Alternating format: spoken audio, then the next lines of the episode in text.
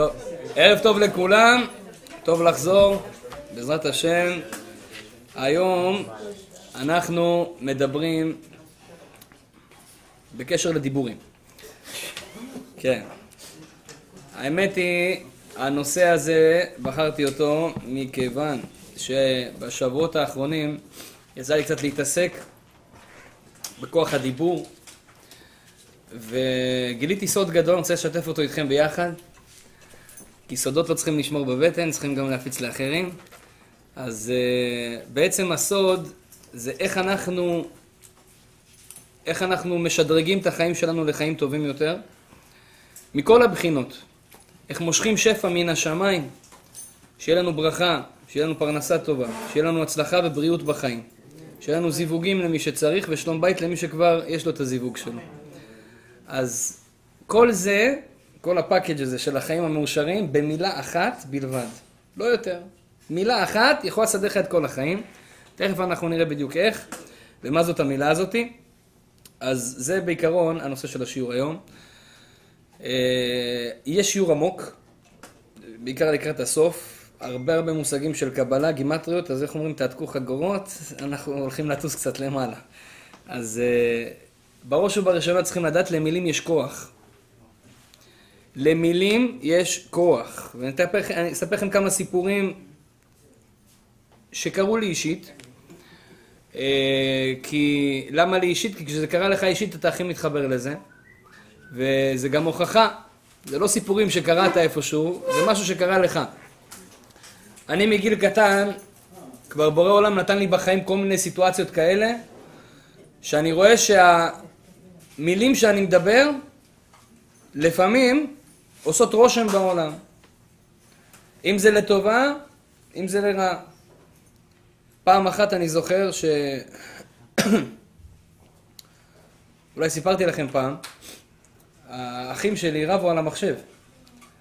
אז אני הייתי בחדר השני, למדתי. וזה הפריע לי שרבים על המחשב. כולה הקופסה, אה, עשיתם ממנה אלוקים, ועכשיו כל אחד רב עליה. אז אני כזה בקטע של כעס, זה לא נכון, אבל בקטע של כעס כזה אמרתי, שישרף המחשב הזה. עכשיו, לא, לא כיוונתי משהו, אה, כוונות, עניינים. באותו רגע נשמע בום בבית. לא, זה לא מצחיק. נשמע בום בבית, הסתבר שאחרי זה אח שלי אמר, ההארד דיסק התפוצץ. וזה הבהיל את כולם. לפעמים אתה אומר משהו, אתה אפילו לא מתכוון. סתם הוצאת איזה פתיחת פה כזאתי, וזה קרה. אני זוכר אבא שלי, השם ישמור אותו, אה, יום אחד ישבתי בשבת בבית, והייתי צריך למסור איזה שיעור בבית של מישהו אחר, אמרו לי, תבוא בשעה, אה, תבוא בשעה שתיים. עכשיו, הבית של הבן אדם השני הזה, הוא גר באיזה קונדו, פה בליד הפרומנד, יש שם איזה ארבע, חמש קונדואים ביחד. אז הוא אמר לי את המספר של הקונדו ואת המספר של הדירה, יום שבת צריך לעלות ברגל. אז אני זכרתי, ואמרתי לאבא שלי שאני צריך לצאת, אז הייתי רווק עדיין, הייתי גר עם ההורים. אז אמרתי לאבא שלי שאני צריך לצאת. והוא ככה באמצע הארוחה אומר לי, ישראל, אתה צריך לצאת כבר. אמרתי לו, אבא, אל תדאג, הכל בסדר, אני יודע, אני... עשרים דקות, אני שם, אל תדאג, הכל בסדר. אחרי כמה דקות, הוא פעם אומר לי, ישראל, אתה צריך לצאת. תצא. אמרתי לו, אבל אני אומר לך, זה 20 דקות הליכה, זה יש עוד זמן, יש עוד 40 דקות, למה אתה אומר לצאת עכשיו? בקיצור, הוא אומר לי, אם אתה לא תצא, אני אומר לך שאתה תאחר, אתה תגיע בשלוש. ככה, אתם יודעים, קטע הזה של, של הורים כזה, ש... שרוצים שיהיה לך טוב, אבל אומרים לך, תשמע, תיזהר, יהיה לך ככה וככה. אתה תגיע בשלוש. אמרתי לו, טוב, אם אתה אומר, בסדר. קצת התעכבתי, בסוף יצאתי בדיוק בזמן שאני חשבתי. אני הולך לבניין, ואני מגיע בדיוק בזמן שאני אמרתי. אני כבר שלוש דקות לשתיים, כן? בקיצור, אני נכנס לבניין, כמו שאמרת, דלקת אלקטרונית, אנחנו שומרי שבת, לא פותחים. עכשיו, בדרך כלל בניין, אתה יודע, אנשים go, in, out, בסדר, תחכה למישהו שיפתח, פתאום שומם, כולם שומרים שבת. מה קרה? אני מחכה, מחכה, מחכה, מחכה. עכשיו, מה אני אצעק לו? אנחנו לא בארץ. אתה, אתה צועק למישהו מהחלון. זה, זה, זה קנדה כזה, אתה כזה תרבותי כזה, אתה מנסה לפחות. מה, מה אני עושה? אני מחכה, מחכה, מחכה. עובר איזה 20 דקות, אני מחכה. אחרי שאני מחכה, בסופו של דבר הגיע איזה מישהו, פותח את הדלת מבפנים, משתבח שמולד, אני נכנס. נכנס לבניין, עכשיו ברור שיהיה בריא גר בקומה איזה... קומה תשיעית, משהו כזה. אז ברוך השם יש עכשיו מסע כומתה, לא נורא, קצת ספורט בשבת זה גם טוב, להוריד את האוכל.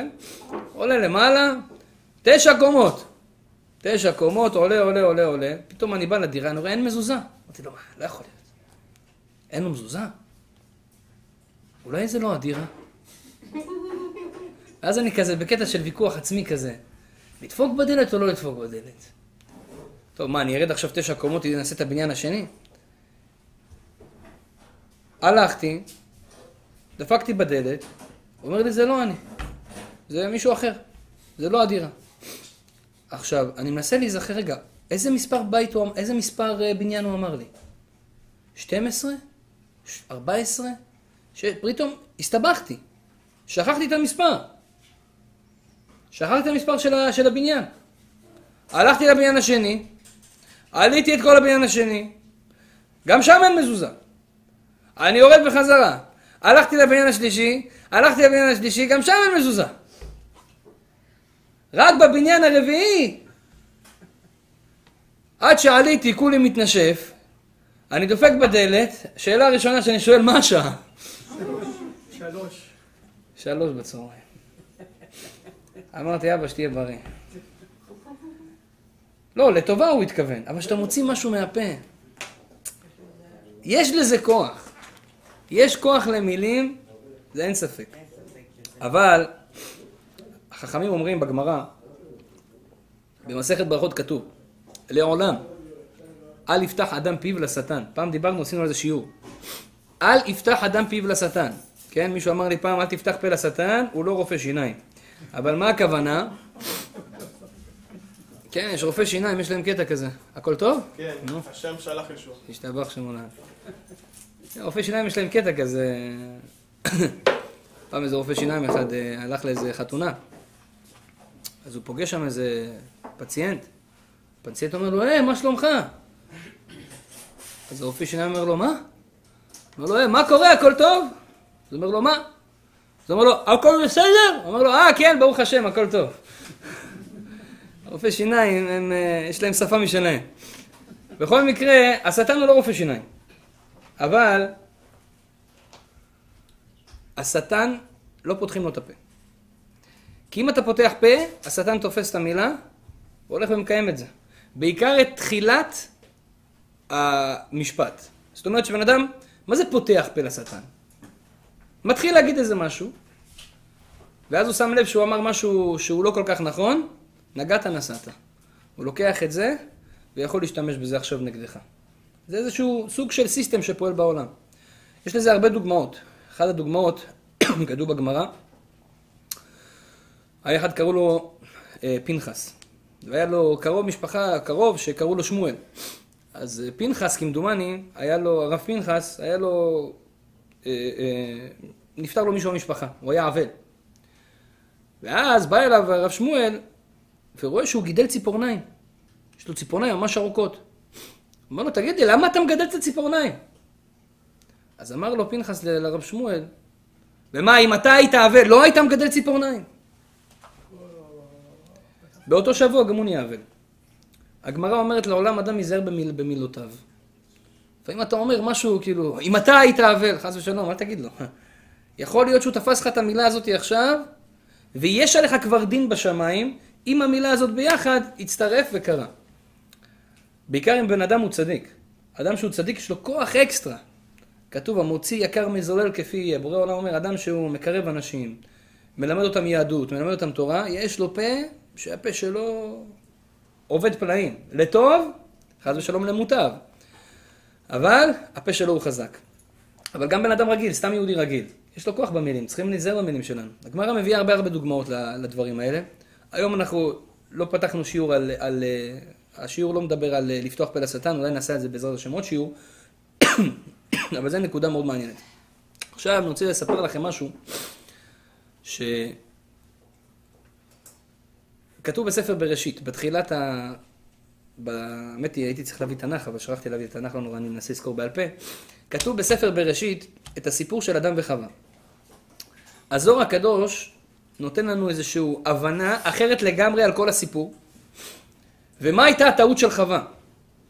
הרי היה את הנחש, והנחש זה בעצם היצר הרע. היצר הרע שכביכול הוא, הוא מסומל בתורה כמו נחש, וצריכים לדעת שכל הסיפור הזה של אדם וחווה, זה לא כמו שסיפרו לנו בבית ספר, המורה זה אבא ליהדות, כן? לתנ"ך, ודאי שלא, לא היה שם לא תפוחים ולא כל מה שאנחנו חושבים. זה היה משהו מאוד מאוד עמוק ורוחני, שלומדים את זה בקבלה. אז לכן צריכים להבין שהנחש זה לא נחש ככה, כמו שאנחנו רואים בסרטים המצוירים, אלא מדובר פה על עולם קצת רוחני, או, ממש אה, מן השמיים. אז כתוב שמה אצל חווה שהנחש פיתה אותה. איך הוא פיתה אותה? תשימו לב, עד היום אנחנו לומדים את הדרכים של היצר הרע על ידי הסיפור הזה. מה עשה הנחש? תקשיבו, משהו מעניין מאוד, הוא חכם חבל על הזמן. הוא אמר לה ככה, הרי הקדוש ברוך הוא נתן להם את כל עצי הגן לאכול. קחו, תאכלו, תהנו, נכון? גויאבות, מישמשים, הכל אפשר לאכול. עכשיו, הם אכלו, בירכו, הכל כמו שצריך, בא הנחש, עכשיו הקדוש ברוך הוא אומר להם, עץ הדעת הטוב ורע, לא תאכלו ממנו. בסדר, אחד אסור, כל השאר מותר, סבבה. בדרך כלל כשאומרים לך אסור, זה דווקא, כנראה זה הכי טוב. אבל זה היה הניסיון. אומר הנחש לחווה, בורא עולם אמר לכם, אסור לכם לאכול מכל עצי הגן. ככה אומר לה. מכל עצי הגן אסור. אז היא מתקנת אותו. ככה הוא פותח איתה בשיחה. הרי היא לא דיברה איתו בכלל, מי אתה בכלל? מה אני אדבר איתך? רשע מרושע, יצר הרע, עזוב אותי, אני יש לי את החיים אתה יש לך את החיים שלך. היא לא דיברה איתו בכלל, לא פתחה איתו פה בכלל. אבל הוא רצה לפתוח אותה בשיחה, ואז הוא אומר לה, אה, אסר עליכם את הכל הקדוש ברוך הוא. אבל היא עכשיו מהקטע של כאילו, מה פתאום? מפרי עצי הגן נאכל, מפרי עץ הדעת טוב ורע, לא נאכל ממנו. זה מה שהיא עונה לו. מפרי עץ הגן נאכל, מפרי עץ הדעת טובה לא נאכל ממנו. עכשיו, סתם שתבינו, זה טכניקה רצינית של העץ הרע, ככה הוא בדרך כלל מרחיק אותנו מהדברים האמיתיים בחיים. עכשיו, בן אדם בא ל... ל, ל איך היינו מסתכלים? אני אומר לכם על עצמי, כי אני לפני שהתחזקתי ביהדות, אז ככה הייתי רואה את זה. הייתי מפחד ללמוד תורה. למה? אתה חושב בקטע כזה של כאילו... הכל אסור כזה. כאילו, אם אתה דתי, אסור לך כלום. אתה מסכן, יושב בכוך כזה בבית כזה, בדיכאון. זה מה שאתה חושב. לא, לא, באמת. זה מה שחשבתי. אז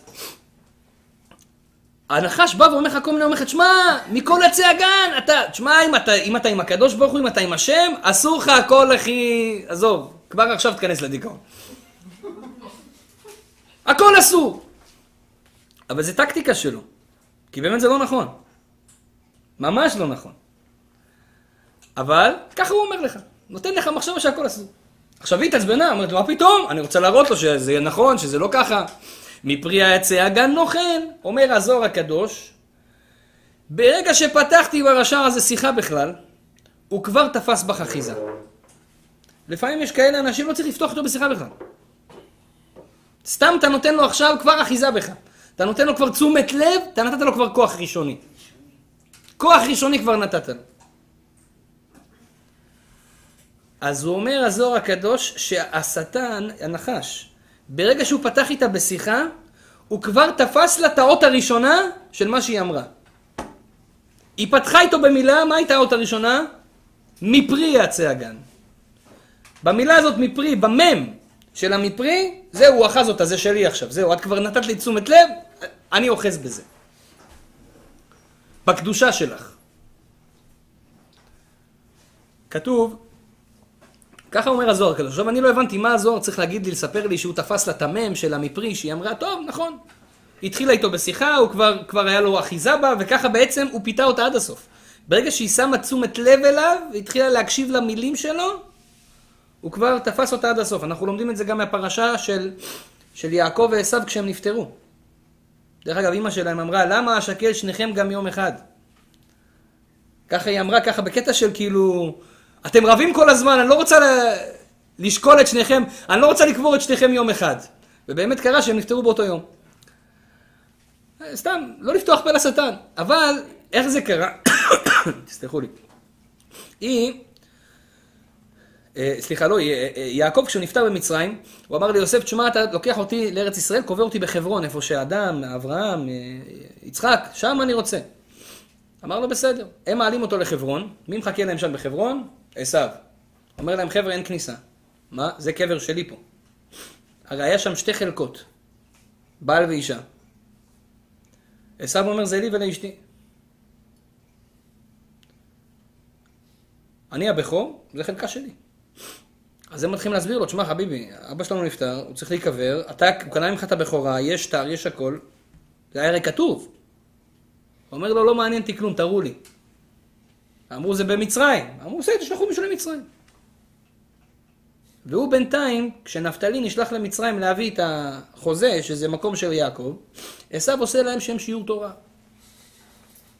מתחיל להגיד להם, תשמעו חבר'ה, אתם יודעים מי זה אבא שלכם? רשע מרושע, חבל לכם על הזמן, מה עשה לי, איך עשה לי, והתחיל לשכנע אותם שהוא הצדיק.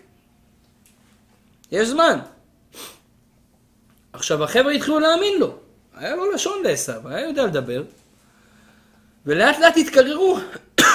חשבו, תשמע, אולי באמת יש פה בעיה. בסוף מה קרה? היה שם איזה אחד, הנכד של יעקב, קראו לו חושים. חושים, חושים, אבל לא היה לו כל כך חושים, הוא לא היה שומע. לא היה שומע.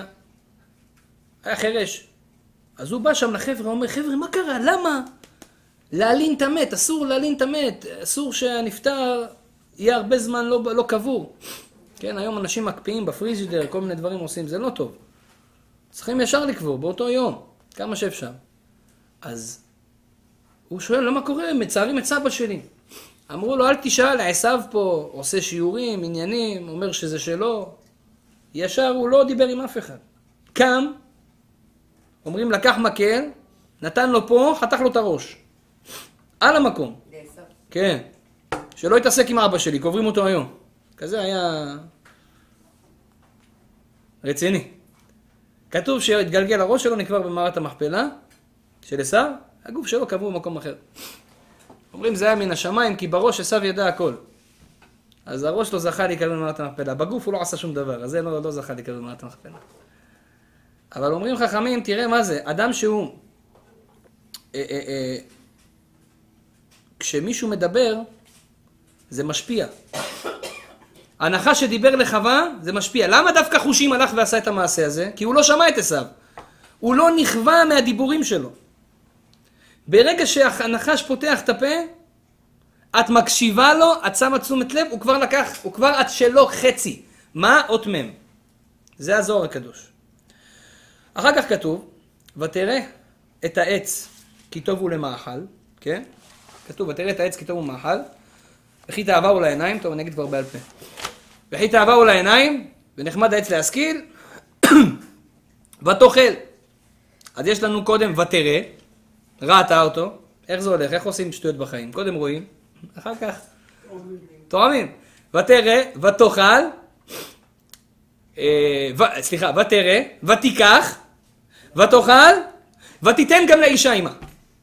גם נותנים לחברים, כן? מי שאוכל לבד, יש אומרים מת לבד, ויש אומרים אוכל יותר, זה מחלוקת. אבל היא נותנת גם לבעלה. אומר אחד מגדולי המקובלים, תלמיד של הרמה מפנו, הוא כותב כך, הוא אומר, תשמע, תשים לב שיש פה ו' ת' מככב פה אצלה בפעולות. ותרא, ו' ת', נכון? ותיקח, ותאכל, ותיתן. יש פה ארבע פעולות שיש שם מתחילות בו' ת', זה משהו מעניין. הוא אומר, תדע לך, שלקח השטן את המם הראשון שהוא אחז בה כבר, וצירף את זה עם כל הפעולות שלה, ות, ותרא, ותיקח, ותיתן, ותאכל, מ' ו' ת' זה מוות. צירף את זה הלאה. אז מוות ראשון? מפרי, שהיא אמרה, שהיא רק התחילה לדבר איתו. היא אמרה לו, מפרי יצא הגן נוכל. כותב הזוהר, לקח את המם שלה. זה, ככה הזוהר מסתיים. הוא אחז לה במם, אחז לה במילה הראשונה, בפתיחת פה. פתחה פה לשטן, אחז לה בפתיחה הראשונה, במילה הראשונה, באות הראשונה. לקח את האות הזאת, עכשיו הוא מצרף אותה איפה שבא לו. איפה? ותרא מוות. ותיקח מוות. ארבע מוות. אחז אותה, סבב אותה מוות. בגלל זה מה קרה בגלל העוון הזה של חטא עץ הדעת? בא מוות לעולם. יש לה דם נידה, שזה נקרא מוות. וכולי. אז זה אומרים חכמים, ש... שזה קרה מפתיחת פה קטנה שעש- שעשתה חווה. דרך אגב, זה לא הסתיים פה. הרמה מפנו כותב שחווה התגלגלה. באה לעולם הזה עוד פעם. מי הייתה? רבקה. אשתו של יצחק. ויעקב הבן שלה, הוא היה האדם הראשון. כתוב, דמות דיוקנו של אדם הראשון ושל יעקב היו דומים אחד את קופי. אף על פי שהם חיו הרבה הרבה שנים אחד מן השני, יעקב היה גלגול של אדם הראשון. אף על פי שהוא עכשיו, הוא חזר בגלגול בתור הבן של חווה, שהייתה אשתו בגלגול הקודם. אז כתוב שקרה בערך סיטואציה מעניינת גם עם יעקב ועשו. יא- אה, אה, יצחק אומר להם, בואו אני אברך אתכם לעתיד, זו הייתה ברכה רצינית. כן, הברכה הזאת אנחנו חיים עליה היום, שהוא בירך את יעקב. ויתן לך אלוהים משתל השמיים שמונה עזרות וגם לתירוש, זה כל הברכה של עם ישראל, למה אנחנו משגשגים ברוך השם.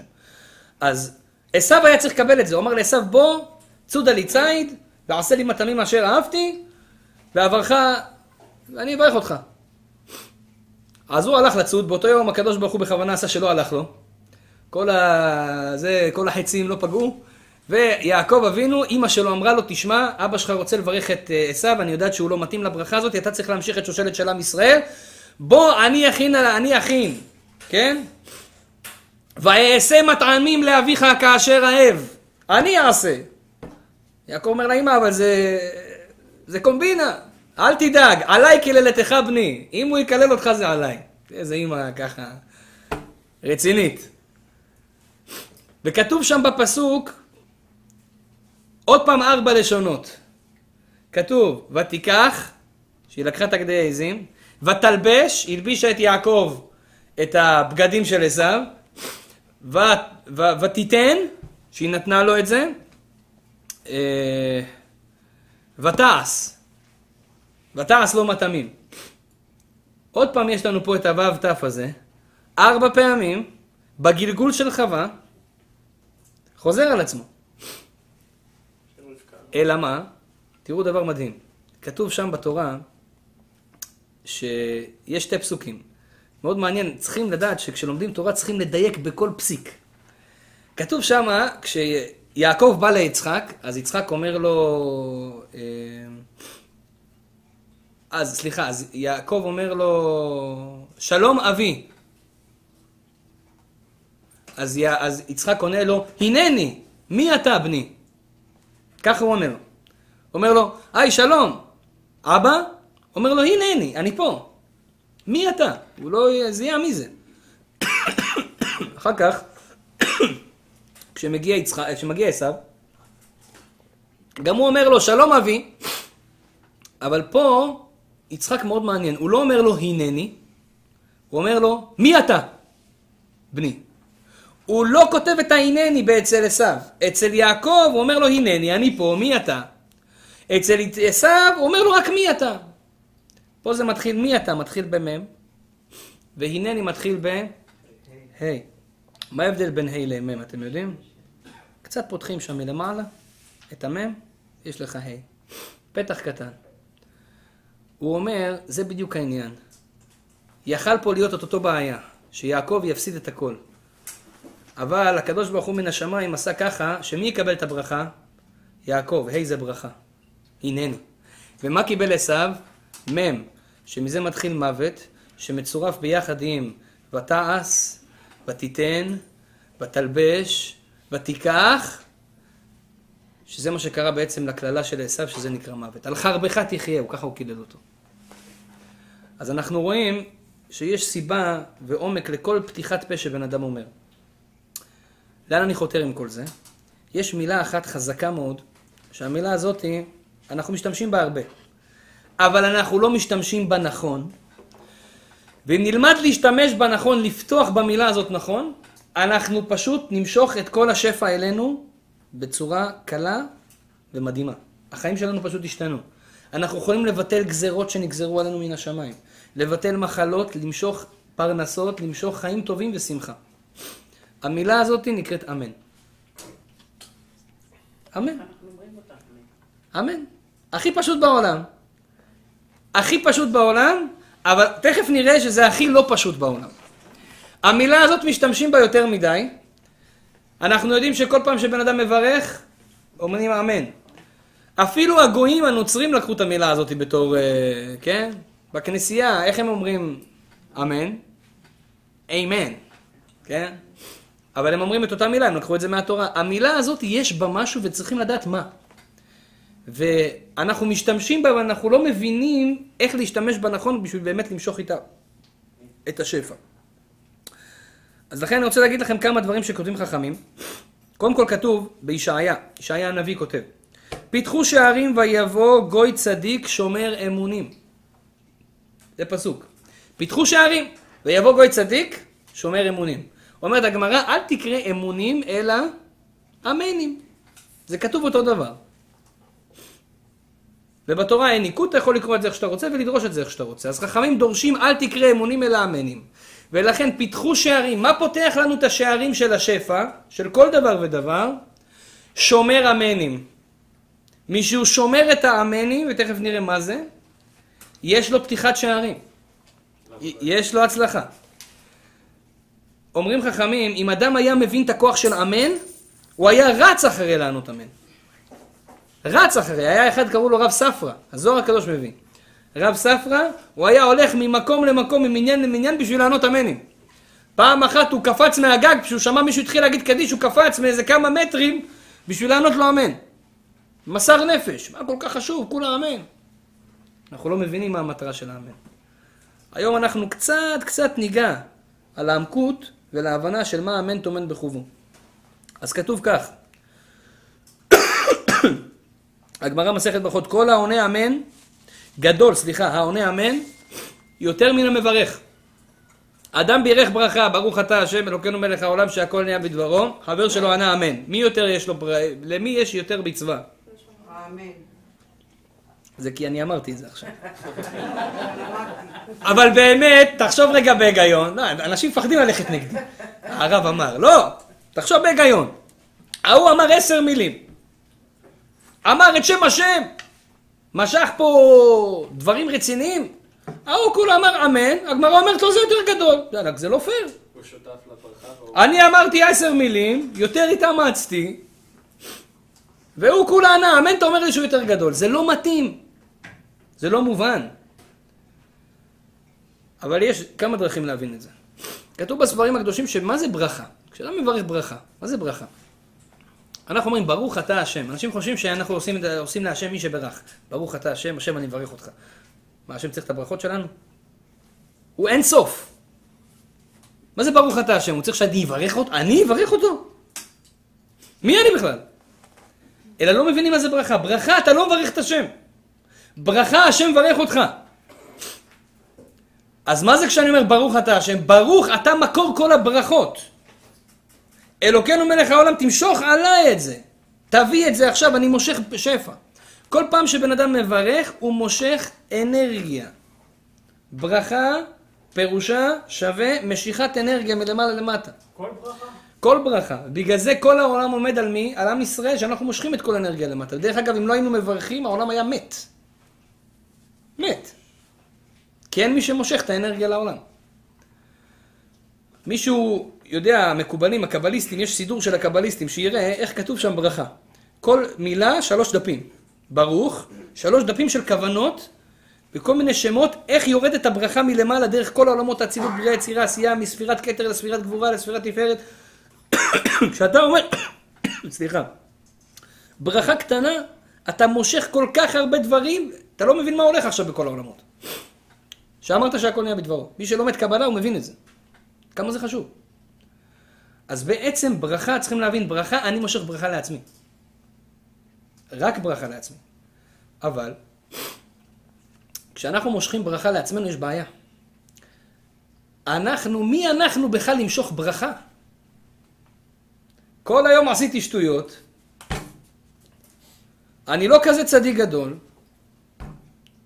אני לא כזה שומר על עצמי מכל הדברים, יש כל מיני דברים שאנחנו לא עושים בצורה נכונה.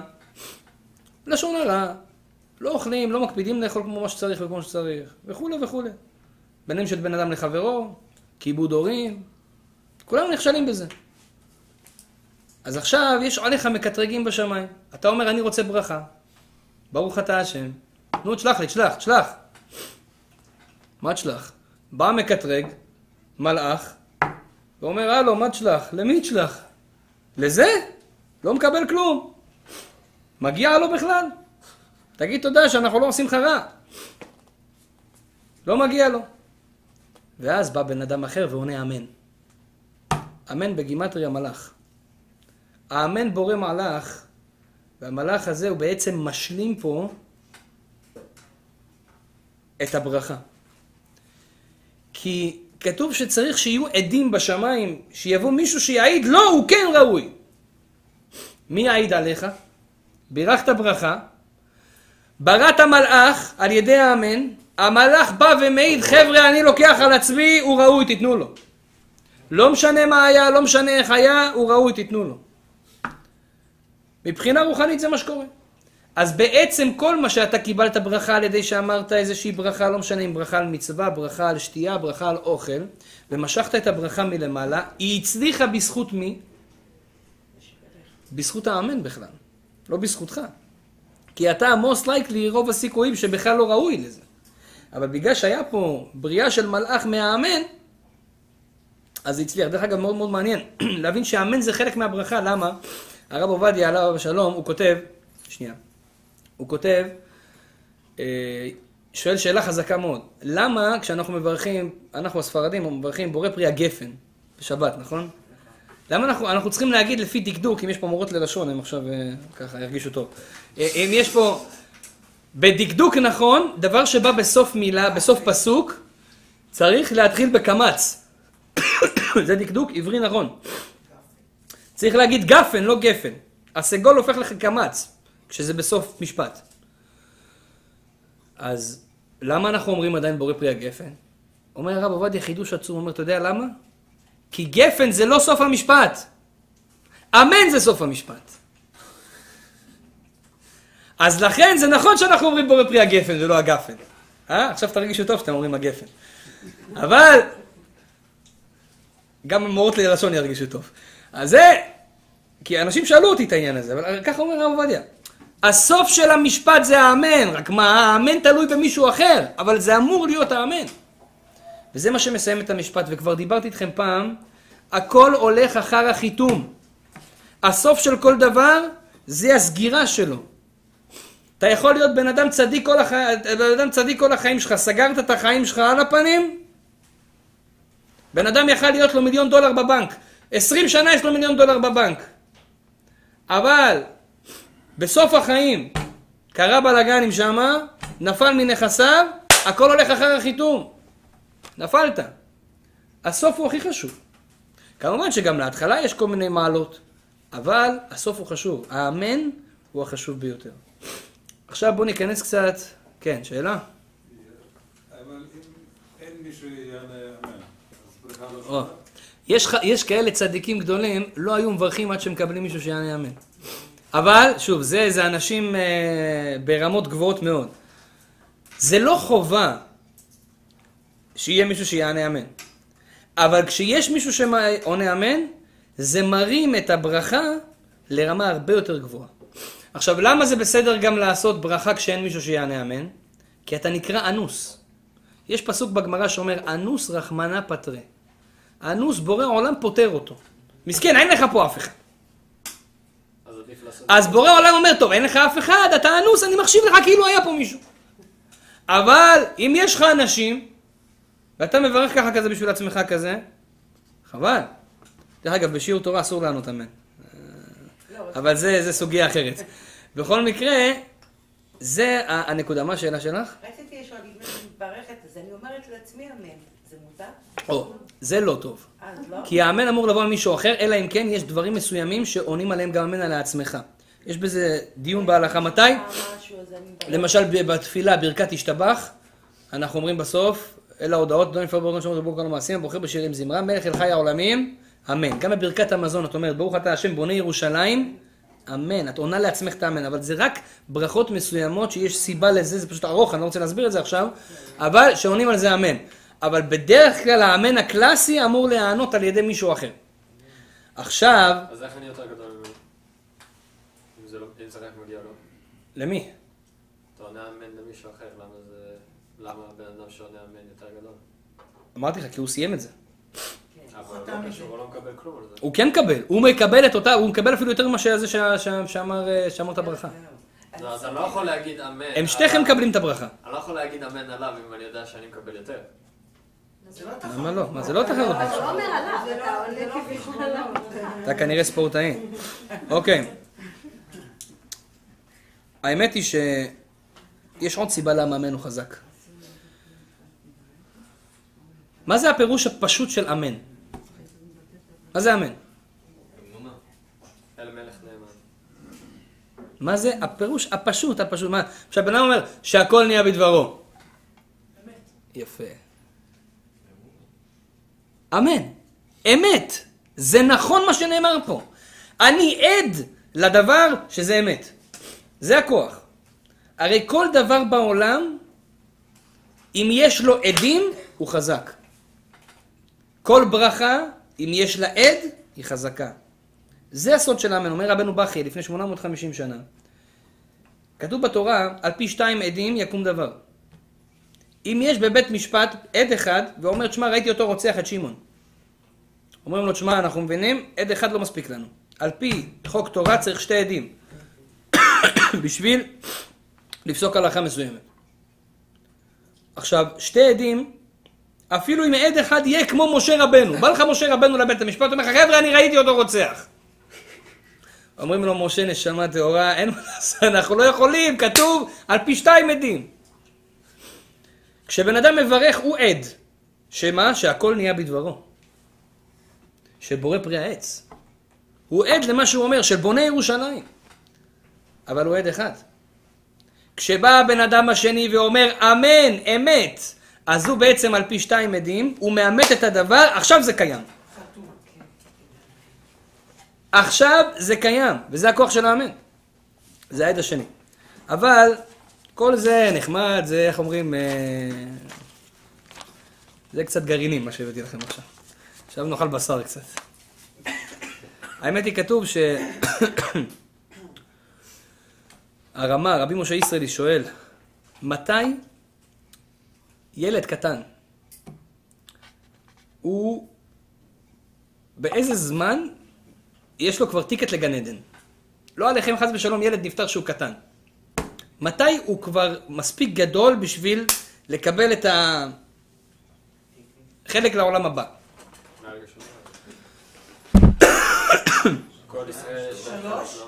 אה? אז יש אומרים מגיל שלוש, חותכים את השערות, אולי מגיל בר מצווה, כי עד אז הוא לא חייב במצוות. עשרים. יכולים להגיד, כל אחד יכול לזרוק לי מספרים, חזק וברוך. אבל כתוב אבל כל ישראל יש הרמה רבי משה ישראליש כותב, ברגע שהילד אמר אמן פעם ראשונה בחיים שלו, פה הוא קיבל את הטיקט שלו לעולם הבא. למה? כי היה שווה לבן אדם לבוא לעולם הזה, 70-80 שנה לחיות פה עם כל הבלגנים שיש פה, וכולכם יודעים את הבלגנים שיש פה, ולהגיד אמן פעם אחת, היה שווה. כך כתוב בזוהר. אדם יגיע לעולם הזה, יחיה 100 שנה, יעבור מה שיעבור, בשביל להגיד פעם אחת אמן זה שווה.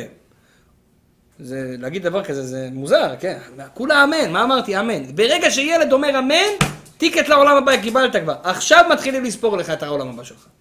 עכשיו מתחילים לספור לך מה, שנק... מה, ש... מה שנקבע לך, מה שלא נקבע לך. בגלל זה, דרך אגב, מה אנחנו מלמדים את הילדים בהתחלה להגיד? לא אימא ואבא. אמן. לומדים את זה עם מרדכי, כתוב, ויהי אומנת הדסה היא אסתר בת דודו. ויהי אומנת הדסה, כתוב א' מ' נ', אומן. מה זה אומן? אומן הוא כמו אומנת, הוא היה, לא היה לה, כי אין לה אב ואם, לא היה לה אבא ואמא, אז הוא גידל אותה בבית, הוא היה אומן שלה, ויהי אומנת הדסה, אומר, אל תקרא אומן אלא אמן, היה מלמד אותה להגיד אמן. בתור ילדה קטנה. שיהיה בקדושה, שתזכה לעולם הבא. אז זה חשוב האמן הזה. אבל למה הוא חשוב? מה, מה הוא טומן בחובו? כתוב, דיברנו על זה פעם בהרצאה של עין הרע, בהרצאה של פרנסה, יש 72 שמות לקדוש ברוך הוא, יש הרבה שמות לקדוש ברוך הוא. עם השמות האלה הוא מנהיג את העולם. דיברנו פעם על שם של, אה, של עין הרע, ה' א' א', שאתה יכול לעשות נגד עין הרע. דיברנו פעם על פ' א' י', נכון? שם של פרנסה, פותח את ידיך, ראשי תיבות פ' א' י'. סופי תיבות, ח' ת' כ', פותח ח' ידיך, סופי תיבות, גם שם של פרנסה. יש כל מיני שמות שאפשר לעשות עליהם מדיטציה, הנה, נראה לי שבוע, לפני שבועיים הוא עשה לכם פה שיעור על מדיטציה, במקומי. לא יודע מה הוא דיבר, אבל uh, מתאר לעצמי שיש כל מיני שמות של בורא עולם שאתה יכול למשוך איתם שפע לעולם. אבל מה השם הגדול ביותר? מה השם החזק שכולל בתוכו את האנרגיה הכי גדולה? לא, לא, לא. י' וה' וו' וה', זה שם השם המפורש נקרא. זה השם שאסור אפילו להגות אותו מרוב גדולתו וקדושתו, זה משהו גרנדיוזי, עצום וענק. עד כדי כך שאנחנו לא אומרים אותו, במקומו אנחנו אומרים שם אחר, שגם אותו אסור להגיד סתם, שגם הוא ברמה מאוד גבוהה, זה שם נקרא שם אדנות, א' ד' נ' י', אדו ונאי, כן? פשוט אסור להגיד אותו סתם. הוא לא ברמה של י' כו' כשלא אומרים אותו בכלל, אבל יש את שם אדנות, שם השני. כל פעם שאתה רואה, מלמדים את הילד בגיל קטן, אתה רואה י' וה' וו' וה', מה אתה אומר? אדו, כן? אתה לא אומר את השם הזה כמו שהוא כתוב. שתי השמות האלה הם שמות חזקים מאוד. מה הם מסמלים? י' וה' וו' וה' זה שם של חסד. הוא השם שמנהיג את העולם בחסד. טוב.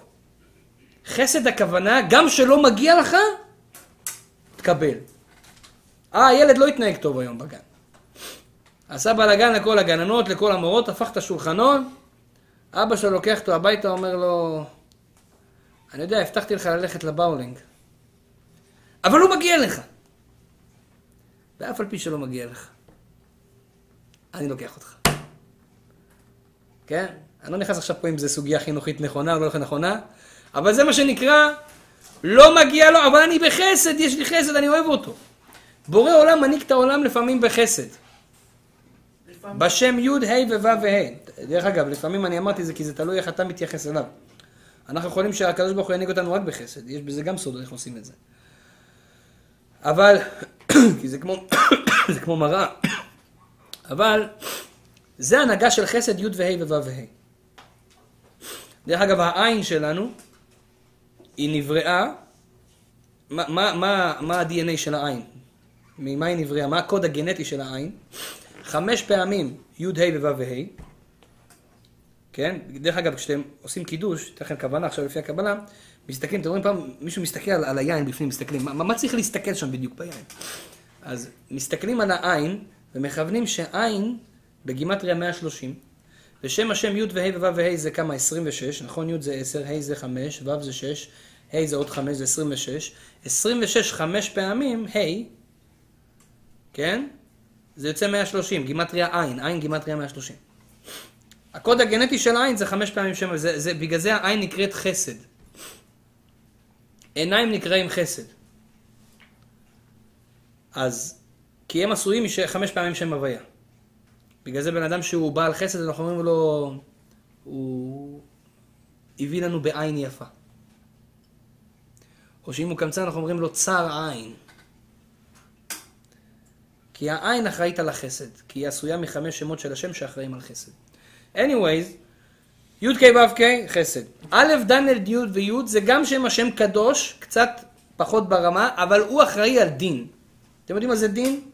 דין זה מה שמגיע לך אתה מקבל. עשית טוב, קיבלת טוב, עשית לא טוב, קיבלת לא טוב, נשמה, אין מה לעשות. ככה זה החיים, כמו בבית משפט. זה לא הנהגה של חסד. מה המטרה של היהודי בעולם הזה? לקחת את הדין, למתק אותו לחסד.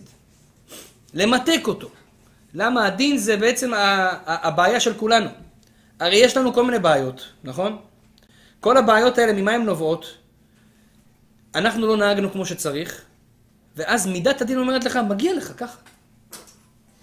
מה אתה רוצה? מגיע לך. אדם לא התייחס להורים שלו יפה, אחר כך הילדים שלו עושים לו צרות, מה אתה רוצה? מגיע לך. זה מידת הדין. אנחנו רוצים את זה? לא רוצים את זה. ממתקים את הדינים. איך ממתקים את הדינים? תשימו לב, דרך אגב, סתם ככה בשביל uh, מעניין, אמרנו י' ק' ו' ק' זה 26, נכון? אולי אמרתי לכם את זה פעם, המילה גד. איך לא קוראים לקדוש ברוך הוא באנגלית? G-O-D, נכון? זה גם גימטרי 26. מה, איך, מה, יש גימטריה באנגלית? אז תספרו, מאוד פשוט. G, איזה אות זאת? בואו נספור. A, B, C, D, E, F, G. זה האות השביעית, תעשה שבע. O, יש לנו A, B, C, D, E, F, G, H, I, J, K, L, M, N, O. 15. 7 ועוד 15. 22. ועוד 4, D זה 4, A, B, C, D. ועוד 4? 26. שם הוויה. מה, סתם נראה לכם שישבו אה, כמה אנגלים שיכורים ואמרו, איך נקרא לקדוש ברוך הוא באנגלית? גאד. למה זה בא לו לראש בכלל? כי זה גימטריה של שם השם, ובורא עולם מכניס להם את זה בראש. אבל זה סתם ככה מן הצד. שם השם, י' וה' וו' זה חסד. א', ד', נ' וי' זה דין. עכשיו, שם השם זה 26, א', ד', נ' וי', כמה זה יוצא? א' זה 1, ד' זה 4, זה 5, ועוד נ' זה 50, 55, ועוד י' זה 10, 65. קח את השם השם, תמתק, קח את 65, א', ד', נ' וי', תמתק אותו ביחד עם י', ק', ו', ק', 26, תחבר אותם. יוצא 65 ועוד 26, 91. דרך אגב, אתם תראו את זה בסידורים, מי שפותח סידור רואה כתוב את שם השם י' ו' ו' ואז כתוב כזה שמות קטנים כאלה ליד. תשימו לב מה זה השמות הקטנים האלה, זה שילוב י' לוקח את הי' הראשונה של שם הוויה ואת האלף של אדנות. י' א'. אחר כך יש לך שמה אה, ה' ד', ו', נ', ה', י'. זה השם הקטן הזה שיש בצידור. השם הזה, גימטריה שלו 91, זה שילוב של 26 ו-65, שילוב של שתי השמות האלה, ממתק את הדין. יש בעיות, יש צרות, ממתקים את הדין, זה השם הזה. דרך אגב, מי שרוצה לעשות מדיטציה, ייקח את השם הזה, יחשוב על זה, מיתוק הדינים. עכשיו, השם הזה, 91. עכשיו, 91, אני אומר לכם, זה מספר קסום. קסום. ביהדות. מספר קסום. אתן לכם דוגמה למשל. אחת מהמצוות החשובות ביותר בתורה זה מצוות סוכה. כתוב איך, איך יודעים שאדם הוא, הוא מבני ישראל הכשרים, שבא לו להיכנס לסוכה. אדם שלא בא לו להיכנס לסוכה, כאילו, לא, לא רוצה לנסוע סוכה, לא רוצה, אה, לא בא לי. זה צריך לחקור אחריו. באמת. כך אומר הזוהר. אדם שאוהב, רוצה להיכנס לסוכה, זה מראה נשמה גבוהה. עכשיו, סוכות, מה זה סוכה? הסוכה זה סוכת רחמים ושלום, אנחנו אומרים בתפילה. סוכה זה בעצם עוטף אותך באנרגיה מדהימה לכל השנה. אדם שנכנס לסוכה, זה בעצם, הוא נקרא בצלע דמהימנותא, בצל האלוקי. הסוכה עוטפת אותך. לא סתם הסוכה יש לה אנרגיה חזקה מאוד, כי אם אתה תעשה את הגימטריה של המילה סוכה, זה גם יוצא 91. 60 ועוד 6, עוד כ', עוד 20 ועוד 5, זה יוצא 91. גימטריה שהשילוב של הוויה ואדנות. נמשיך הלאה. יש גם תיבת נוח. כן?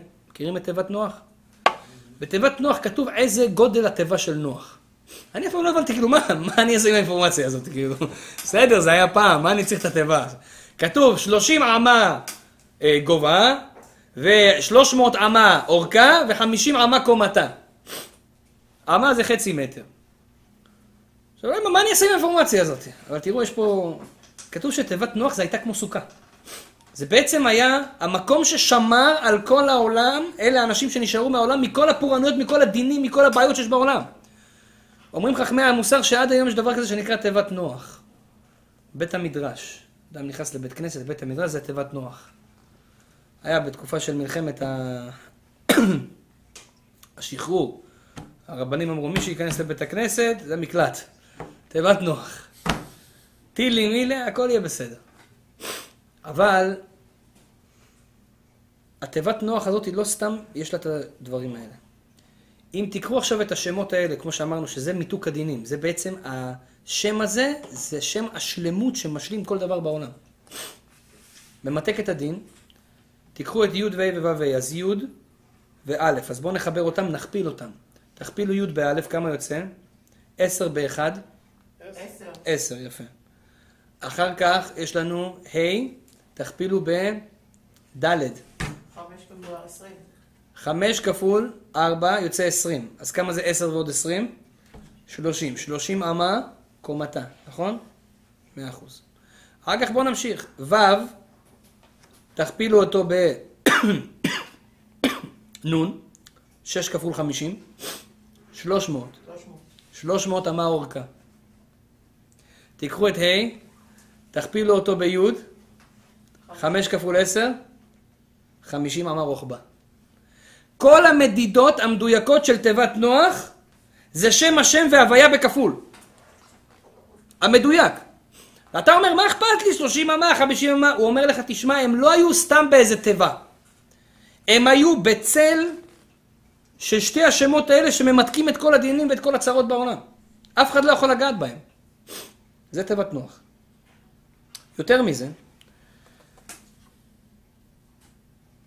יש ההלכה בתורה שאסור לקצוץ אילנות.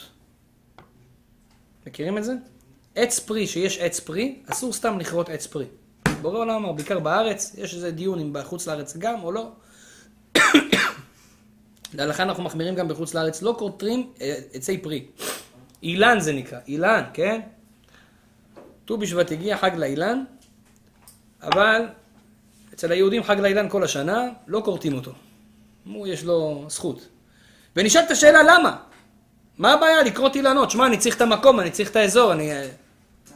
אומר לך, תשמע, אילן, יש לזה כל מיני הסברים, אבל יש בזה הסבר יותר עמוק. האילן יש בו איזו קדושה של שמות מסוימים. אם תעשה אילן גימטריה, זה יוצא 91. אתה חותך את השמות הכי קדושים שיש.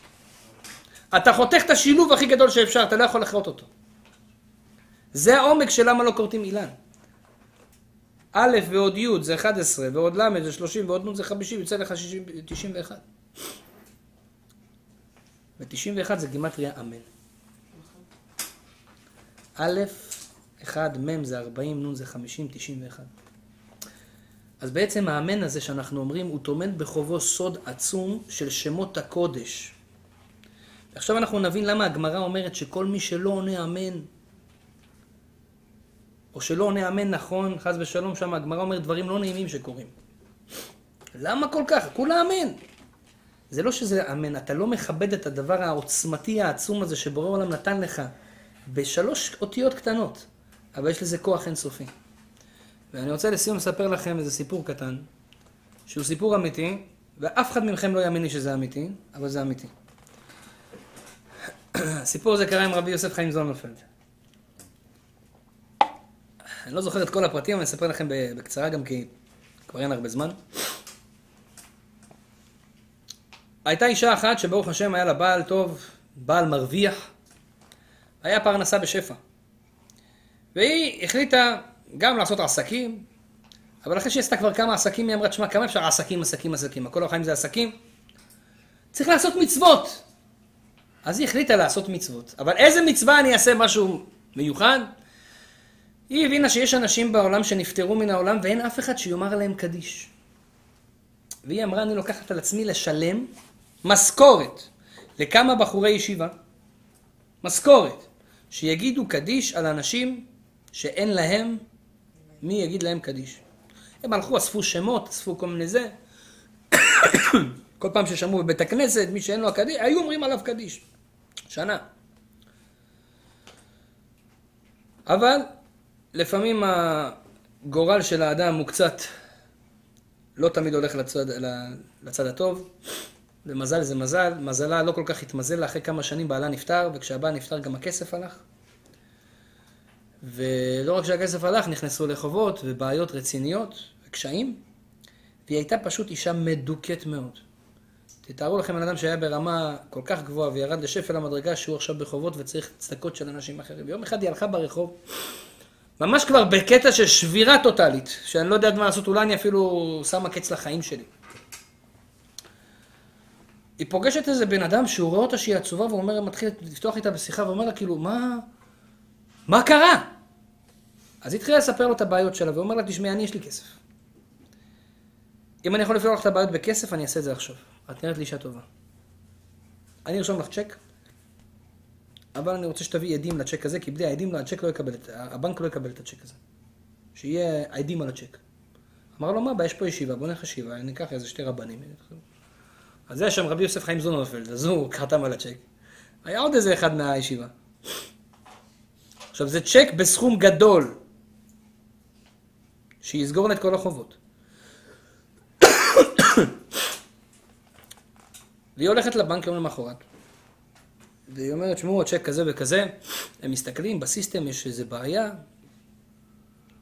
זה, צריך להעביר את זה למנהל של הבנק. אומרים למנהל של הבנק, הנה יש פה צ'ק. הוא רואה את הצ'ק, הוא שואל את האישה הזאת, מי הביא לך את הצ'ק? אומרת לו, הבן אדם הזה, הוא התעלף במקום. התעלף במקום. אחרי שנתנו לו כמה סטירות והעירו אותו, אז הוא שאל אותם, עוד פעם, מי הביא לך את הצ'ק? היא אמרה, בן אדם פלוני אלמוני, כזה בן אדם. אם אני אראה לך תמונה שלו, את תגידי לי? אמר לו, כן, הוציא תמונה שלו, על, על, על, על, על הקיר יש תמונה שלו. הוא אומר, זה אבא שלי. זה אבא שלי. הוא נתן לך את הצ'ק? אומר לו, בדיוק הבן אדם הזה. יש עדים, הביאו את רבי יוסף חיים זומרפלד. אמר, זה הבן אדם. הלכו לישיבה, הראו לו את התמונה. הבן אדם היה בשוק. אבא שלו נפטר לפני שנה. ו... תקשיב, אמרתי לך שאתה לא תאמין לי. אבא שלו נפטר לפני שנה. והוא בא לו בחלום, יום לפני, לבן שלו, ואמר לו שתגיע אליך אישה, ואתה תפקיד את הצ'ק שלה, כי זה ממני, והיא אמרה עליי, היא עשתה שיגידו עליי קדיש כל השנה. כי הוא לא אמר. ובגלל זה הוא התעלף. טוב, מאותו יום הבן אדם, איך אומרים, קצת אה, הבין מה זה כוח של קדיש. עכשיו, למה אני אומר לכם את זה, רבותיי? למה קדיש זה כל כך חזק? שזה מעלה את הנשמה הזה. למה הקדיש כל כך חזק? אתם יודעים? לא בגלל שהוא חזק מצד עצמו, שזה גם דבר גדול. זה בגלל האמן שעונים עליו.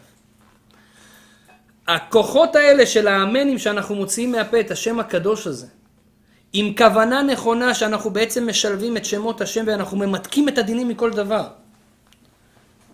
אנחנו מחסלים את כל הרע שיש ומושכים לנו שפע של טוב על ידי ההשלמה הזאת של השמות הקודש הללו. על ידי זה הקדיש עושה את מה שהוא עושה ומעלה את הנשמה איך שהוא מעלה. עד כדי כך שנתנו לו רשות מן השמיים לבוא לעולם הזה, לשלם לה על זה שהיא אמרה לו קדיש. ומכאן אנחנו רואים כמה כמה גדולה המעלה הזאת של המילה הקטנה והפשוטה שאנחנו אומרים אותה כל כך הרבה, אבל מוציאים אותה לא, לא בכוונה. לכן הגמרא אומרת לעולם אדם צריך לברך אמן, סליחה, להגיד אמן, שהיא לא כתופה ולא יתומה. מה זה כתופה ויתומה? יש כאלה שאומרים אמן. הוא חותך את האמן באמצע. יש כאלה שאומרים מן. זה זה בקטע של אה, למהר. שהכל אומר לא מן. הוא לא אומר את האה. יש כאלה שאומרים אמה. לא מסיימים את הנון. אתה פוגם עכשיו פגם גדול בכל השמות הקדושים הללו. חבל, אתה לא משלים את הברכה. אדם שעונה אמן יתומה, מה זה אמן יתומה? אמן שאין לה אבא. איך לאמן אין אבא? אם הברכה לא הייתה ברכה נכונה, או מישהו אומר ברכה, יותר נכון, לא אומר ברכה, ואתה סתם אומר אמן לבטלה, לא אומר עכשיו פה כמו שאני מדבר איתכם בשיעור, זה לא לבטלה, אבל סתם אמן שבן אדם אומר לבטלה, או על ברכה שהיא לא צריכה להיאמר, למשל בן אדם עכשיו בירך שהכל נהיה בדברו. והוא שכח, עוד פעם בירך שהכל נהיה בדברו. הברכה השנייה שלו זה ברכה לבטלה. אתה אל תענה לו אמן. כי אם אתה תענה לו אמן, זה אמן לבטלה. מה זה אמן לבטלה? כולה אמן. לא, יש פה שמות קודש. יש פה אנרגיה עצומה. שמשלימה. סליחה? מישהו אומר שיהיה לך חיים טובים. אתה אומר, אמן. אז זה לא לבטלה. יש פה ברכה. אבל כשמדובר פה בברכה שהיא לא צריכה, כבר נאמר ברכה. מה עם כאלה שאומרים אמן כמה פעמים ברצף? או, אז טוב, הלכות אמן, האמת היא צריך לעשות איזה שיעור אה, בפני עצמו. היום זה יותר הבנה וחיזוק, ועכשיו אנחנו נסכם בעצם את כל מה שנאמר פה. אנחנו צריכים לדעת שהסודות הגדולים ביותר בעולם נמצאים במקומות הכי קטנים והכי פשוטים. רבי נחמן ברסלב אמר, זה לא פשוט להיות פשוט. הפשיטות והדברים הדיטליים הקטנים הם המקורות לכוח ולחסד הגדול ביותר שיש בעולם. אדם יכול למשוך שפע במילה קטנה שנקראת אמן, רק יעשה את זה בצורה נכונה. יעשה את זה ביישוב הדעת. אם אדם יכול באמן שלו לכוון לפחות את הכוונה הפשוטה, אמת. אני מאשר את הדבר. אם הוא קצת יותר גבוה, יכוון, אמן, גימטריה 91, שם הוויה ושם א', ד', נ' וי', אדנות. ביחד. יכוון את זה בראש, הוא מושך לעצמו באותו רגע שפע עצום. אדם מגיע למקום שאומרים קדיש, ולא עליכם יש לו איזה משהו שמצער אותו. אם זה מחלה, לא עליכם. אם זה בעיות כספיות, או אם זה בעיות עם הילדים או עם, הבן זוג. והוא רוצה פתרון. לא צריך לחפש בבות וגדולי הדור ללכת שייתנו לכם ברכה. תבואו לבית כנסת, למקום שאומרים בו קדיש, ותגידו, אמן יהא שמי רבה מברך לעלם לעלמי עלמיה. מה שאנחנו אומרים בקדיש.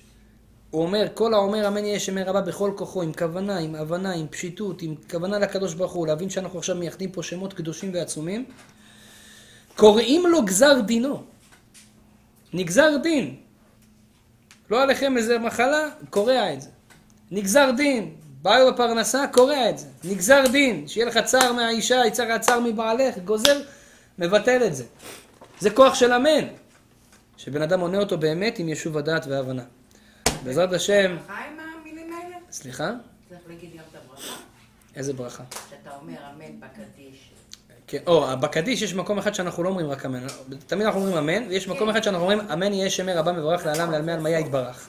את המשפט הזה, זה משפט עוצמתי מאוד שמבטל גזר דין, אבל גם אמן בלי זה, יכול לעשות הרבה הרבה ישועות ופעולות. אני רוצה לברך את כל הקהל הקדוש הזה, אתכם בפרט, בעזרת השם, שכל משאלות לבכם יתגשמו לטובה. אמן. כל מה שתעשו תשכילו ותצליחו בבריאות איתנה, בנאורה מלאה ופרנסה טובה, אמן ואמן.